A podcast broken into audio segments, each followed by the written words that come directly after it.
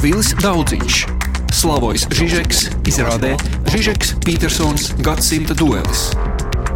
Jaunais Rīgas teātris. Izrādes beigās es jautāju Petersonam, tad mans varonis Žižeks jautā Petersonam, sakiet, doktor, kas ir laime? Un uh, Petersons atbild, man laikam jums, Slavoj, ir jāpiekrīt, ka laime ir blakus produkts. Ka tu nevari savas gribas pēc būt laimīgs. Tu savas gribas pēc vari būt nelaimīgs, mierīgi, kaut tūlīt, bet laimīgs ne, un tāpēc nav jāmeklē laime, ir jāmeklē jēga tas, kas dod tev jēgu. Tas man liekas brīnišķīgi.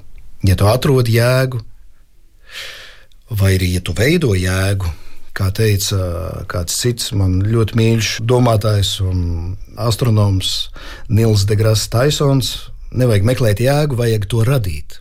Tad, kad tu esi radījis sev jēgu, nu, tad arī ir jēga tavai eksistencei uz šīs zemes. Un katrs tādu jēgu var atrast.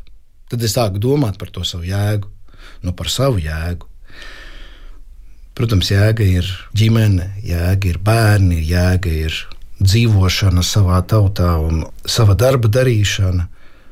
Un tad, kad es tā sāku domāt par to savu darbu, patiešām bija tāds viens mirklis manā dzīvē, tie bija latviešu stāsti. Es biju šoferis un biju nospēlējis kā šoferis šo izrādi.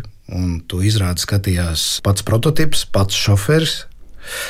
Pēc tam mēs aizgājām uz vienu krodziņu, un viņš man atzinās, ka tā laikam esot viņam bijusi vislaimīgākā diena mūžā. Nu, lūk, tur ir tā jēga. Nu, ja ir iespējams kaut vai vienam cilvēkam padarīt vienu viņa dienu par vislaimīgāko, ja tu to vari, ja tas ir tavā varā, nu, tad ir jēga dzīvot.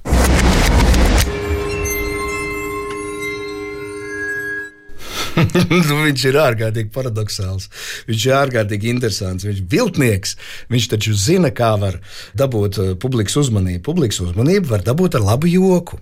Tas vienmēr palīdz. Tu vari runāt visas sarežģītākās lietas, bet laika pa laikam tev tās ir kaut kādā veidā jāatsvaidzina vai paradoxālā kārtā jāpamato ar kādu, piemēram, ebreju anekdoti, kas viņam izdodas vienkārši lieliski atrast lūk, šos paradoksus. Jā, Žižeks ir burvīgs. Viņā kūsā enerģija viņš ir aizrautīgs. Un, protams, tādu cilvēku spēlēt ir liels, liels prieks. Tā ir bauda. Lomas, kuras atstāja nospiedumu. Tādu grūtu nospiedumu man ir atstājis Kļestakovs, revidentā. Jo es ilgi, ilgi netiku klāt tai lomai, tikai varbūt nospēlējis kādas pirmās 60 izrādes, beidzot sapratu, kā jāspēlē. Tā kā nabaga tie, kas skatījās pirmās 60. Nē, nu, varbūt viņi neko nepamanīja, bet katrā ziņā tas nebija nekas patīkams. Man bija pārāk liela atbildības sajūta. Man likās jocīgi, ka es, nu, šī mana pozīcija, galvenās lomas pozīcija, man likās dīvaina. Es ar to ilgi netiku galā. Toties tāda loma, kas man ir ļoti, ļoti dārga, ir Zahars Ablomovā. Arī tā man ir atstājusi lielu iespaidu kā tas ir kalpot, kalpot otram. Protams, vectēvs. Gan tas, kā tapa šī izrāde, cik ilgi tā tapa, ka tā ir saistīta arī lielā mērā ar manu vēsturi, ar maniem abiem vecajiem tēviem, kurus es nevienu ne otru neredzēju, jo abi aizgāja bojā Otrā pasaules kara laikā, dažādās frontēs. Tā ir izrāde, ko mēs spēlējam vēl joprojām, nu jau desmit gadus, ne vairāk. Jocīgi, milzīgs teksta apjoms, bet kaut kā nepazūd no galvas. Dažreiz tekstu ir ļoti grūti iemācīties, bet eh, šis eh, man ir kā iecementēts galvā. Un, lai arī mēs tagad pēdējā laikā spēlējam, varbūt četras izrādes gadā, varbūt trīs. Man gandrīz nav jāatkārto. Režisori, kuri atstāja iespaidu. Nu, Pirmkārt, protams, tas ir Jānis Hermans. Tieši viņš uzaicināja mani eh, piedalīties jaunās trupas veidošanā. Toreiz, 97. gadā, tieši viņš man piedāvāja pirmās lielās lomas, gan Ļoņģiku maratā, gan eh, pašu, pašu pirmo lomu uz lielās skatuves, kas viņam arī bija pirmā izrāde uz eh, lielās skatuves, Tims Tālērs vai Pārdoties Miegli, mm, kur es biju Tims. Jā, Alvis ir stratēģis. Alvis ir cilvēks, kurš ļoti labi jūt, reizēm pat apbrīnojami labi jūt nu, kaut kādus strāvojumus, kaut kādas lietas, kas būtu svarīgas šobrīd, par kurām runāt. Un es domāju, ka tieši pateicoties lūk, šai viņa intuīcijai, tap tās izrādes, ko visas kopā varētu nosaukt par latviešu stāstiem. Izrādes, kur mēs paši meklējām materiālu, Viņš iedrošināja mūs būt uh, maksimāli atbildīgiem par to, ko mēs darām. Proti, tapt par dramaturgiem, par māksliniekiem, līdzautoriem, par tiem, kas veido izrādi. Un tādā veidā ir tapušas gan latviešu mīlestība, gan melnais piens, gan ziedonis, gan uh, zilā kalna marta vai kapu svētki vai vēstures izpētes komisija. Ļoti daudzas izrādes. Un tas, man liekas, ir milzīgs ieguvums, par ko es esmu ļoti, ļoti pateicīgs.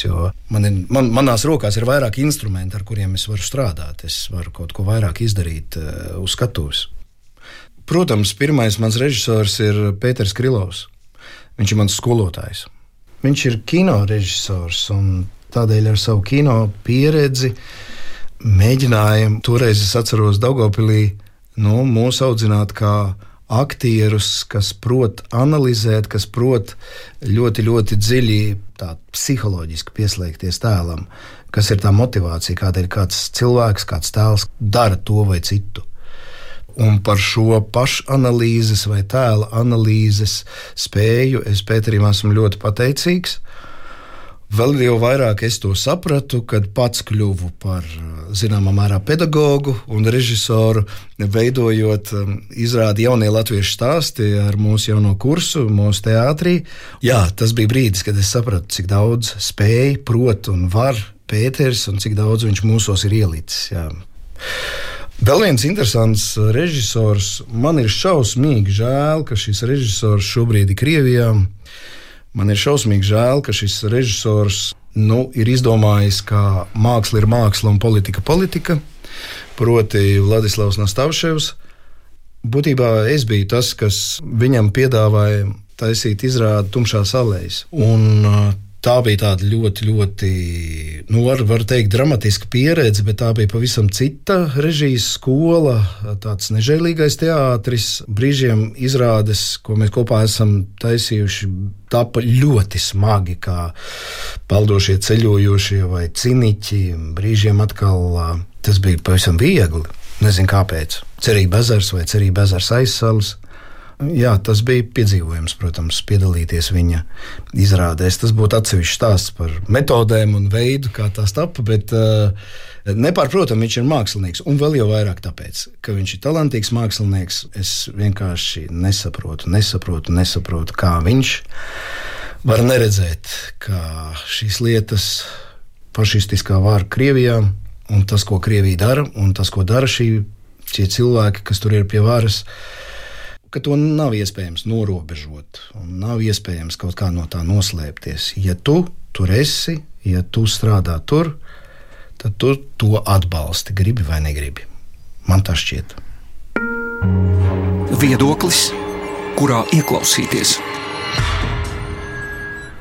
Nu, man daudz tādu cilvēku ir. Nu, man, man, mani kolēģi ir. Īstenībā redz, kā ir. Mēs esam nu, jau tāda kompānija, kas nebaidās otram teikt nec labu, nec sliktu. Nu, ja ir iemesls kaut ko sliktu pateikt. Ja. Un kādreiz tas bija sāpīgi. Es teikšu, man nemaz tas nebija viegli uzklausīt kritiku no kolēģiem. Bet tagad es saprotu, cik tas ir godīgi un labi, ja mēs to varam izdarīt. Jo no tā izrāda kļūst tikai labāk. Jo redz, mēs jau tā esam sadzīvojuši viens ar otru tik ilgus gadus, ka mēs nu, visu, jau katru intonāciju dzirdam. Un, ja šī intonācija atkārtojas un atkārtojas, un tā ir jau no iepriekšējās lomas pārceļojusies atkal jau, un tas jau ir vienkārši slinkums, aktieru slinkums, ja viņš nav neko jaunu izdomājis vai vismaz pacenties kaut ko jaunu radīt. Tas ir jāsaka. Jo var jau būt, ka skatītājs to nepamana, bet tas mums pašiem ir svarīgi aizvien un aizvien radīt kaut ko jaunu.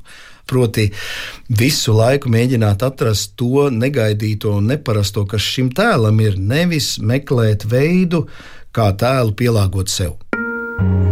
Kritiķis, kurš visu pasaka? Mani sauc Zana Ratzobe, un es esmu kritiķe, kas mēģinās pateikt kaut ko. Es par Viliju šai e, izrādē domāju kā par dueta vienu no sastāvdaļām. Man liekas, ka šo lomu ir iespējams saprast e, uzreiz skatoties, ko dara arī Kaspars Notiņš, un saprotot, ka viņu aktieru darbi vienlīdz labi un spoži ir veidoti pēc ļoti atšķirīgiem principiem. Ja Kaspars domā vairāk par tekstu un par argumentāciju, tad uh, Vils domā vairāk par ķermeni. Un um, tas, kādu nu, šo komisko tēlu viņš attīsta, tas ir uh, patiešām izcils ķermeniskas komēdijas paraugs. Vēl viens tāds atslēgas vārds, ko varētu lietot, ir groteska. Nav jau nekāds noslēpums, ka Vilim ir ģeniāla humora izjūta, un ka viņš ir formas lielmeistars, un ka viņam parāda mazo pirkstiņu, un viņš spēja nospēlēt jebko no jebkā. Bet groteska ir raksturīga ar to, ka tai ir ne tikai ārējā forma, bet šī ārējā forma slēpj kaut kādu saturu. Un tas saturs, jeb šie divi slāņi, tad arī ir īstā meistarība. Jo formu var nospēlēt jebkurš. Bet nospēlēt formu, kurai ir arī saturs, to kurš katrs nevar. Bet Vils var. Vils Daudziņš, Slavojs Žižeks, izrādē Žižeks Petersons gadsimta duelis. Jaunais Rīgas teātris.